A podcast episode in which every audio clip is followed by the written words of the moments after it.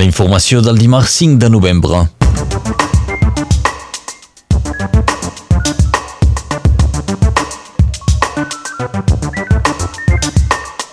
Aquest matí vos parlem de l'acord de comptes que estudia el finançament de l'Ajuntament de Perpinyà, també de l'Aglo o encara del Consell Regional.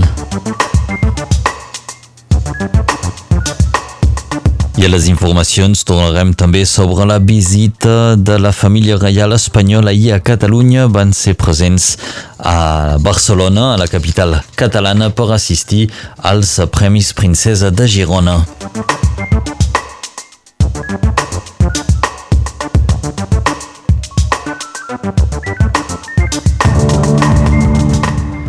Comencem amb aquell tall d'electricitat que va deixar més de 12.500 cases sense llum ahir a finals de matí. La varia va tocar part de Perpinyà i també a la zona del Riberal.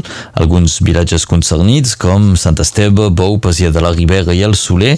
La companyia Nedis va efectuar les reparacions ràpidament i al cap d'un parell d'hores la situació ja havia tornat a la normal. Polèmica a l'Ajuntament de Perpinyà per possibles irregularitats en la contractació i la gestió del personal. Un informe publicat per l'Acord de Comptes denuncia disfuncionament sobre l'absentisme dels agents municipals, sobre el reclutament d'empleats de la direcció o encara sobre la remuneració d'un antic director de gabinet. L'Acord de Comptes considera que hi ha errors en el procés de reclutament de treballadors, en particular pels emplegos de direcció de serveis. Una manca de transparència que concerneix la creació de llocs de treball treball o el nivell de remuneració. El batlle Jean-Marc Pujol no s'ha volgut expressar sobre el tema, reservant les seues explicacions pel Consell Municipal previst per dijous. I aquest estudi de l'acord de comptes fa un balanç global de la situació financera de la vila de Perpinyà, un balanç positiu en comparació amb l'estudi fet el 2012 en l'últim informe.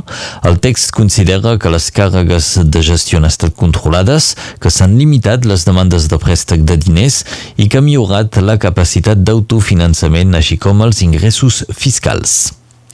I les finances de l'aglomeració de Perpinyà també són motiu de denúncia per part de l'Acord Regional de Comptes.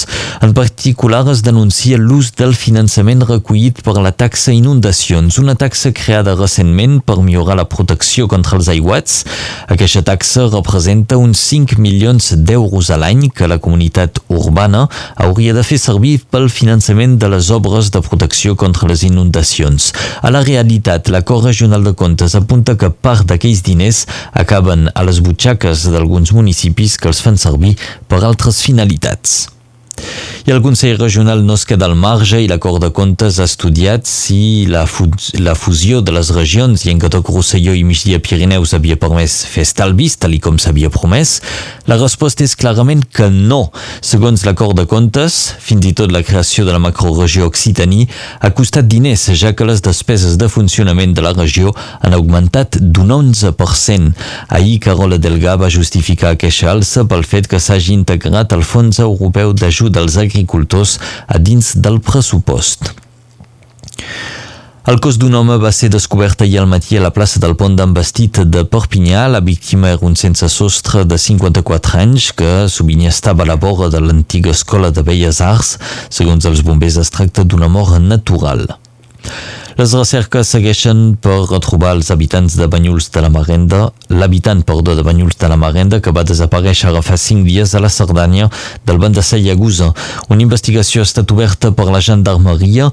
Finalment, amics eh, i familiars van fer recerques a la Cerdanya, però de moment cap rastre del desaparegut. Eleccions municipals, al vilatge de Llauró, als Aspres s'ha presentat la candidatura de l'Embesian de cara a les eleccions del 2020. A Llauró, l'actual batlle Roger Tourné no es presentarà per un nou mandat. La família reial espanyola va ser ahir a Barcelona per participar a l'entrega dels Premis Princesa de Girona.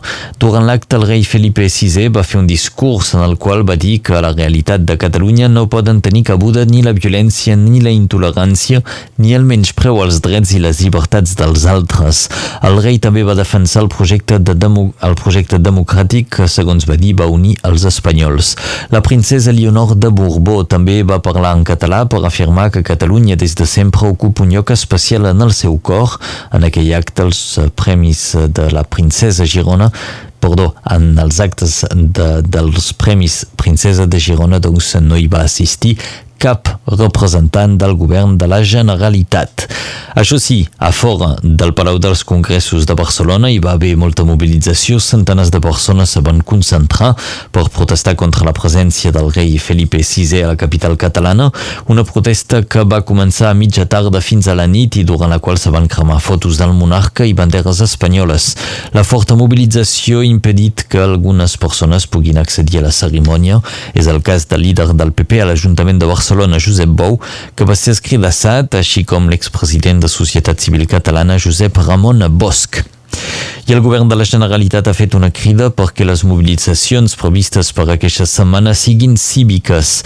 Ahir es va reunir el gabinet de seguiment de les protestes, tal com ha fet les últimes setmanes i ha constatat que les accions de la setmana passada es van desenvolupar en general de manera pacífica i democràtica. Després de la reunió, el govern va demanar mantenir aquesta actitud cívica durant les mobilitzacions dels propers dies i hores. Als esports, el Barça juga avui un nou partit de la fase de grups de la Lliga de Campions. L'equip blaugrana rebrà la visita de l'Eslavia de Praga en un partit que se jugarà a finals de tarda a les 6 i 55 minuts.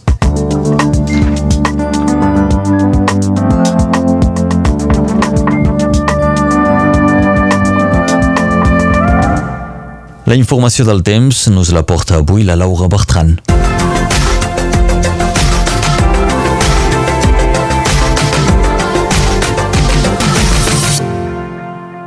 Temps variable per avui, amb un poc de tot. La jornada és marcada per les pluges. Hi haurà, però, també estones de sol d'una banda i de l'altra tempestes durant la tarda al Vallespí. De cara a finals de tarda i al vespre, el vent bufarà sobretot a la vall de l'Aglí. Serà tramuntana amb ratxes màximes de fins a 50 i 60 km per hora.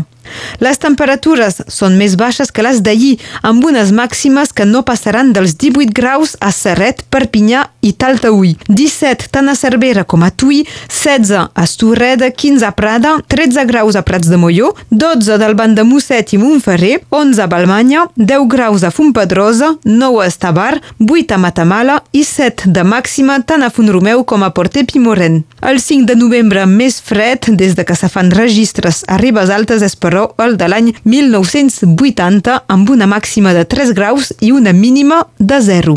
Un dia com avui del 1992, el Consell d'Europa aprova la Carta Europea de les Llengües Regionals o Minoritàries. Entre els estats membres de la Unió Europea que l'han signat però no ratificat hi ha l'estat francès i també l'estat italià. En canvi, si mirem entre els estats que apliquen aquesta carta, hem de notar que l'estat espanyol és el segon a aplicar el màxim de paràgrafs, 69.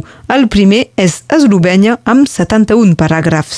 És un dia com avui també que va néixer el poeta d'Illa, Josep Sebastià Pons. Va ser l'any 1886. És també l'aniversari del trompetista Ibrahim Malouf. La frase del dia diu així, pluges de novembre omplen barrals i curen tots els mals. El sol es pondrà aquest vespre a les 5 i 36 minuts, perdrem així dos minuts de llum del dia.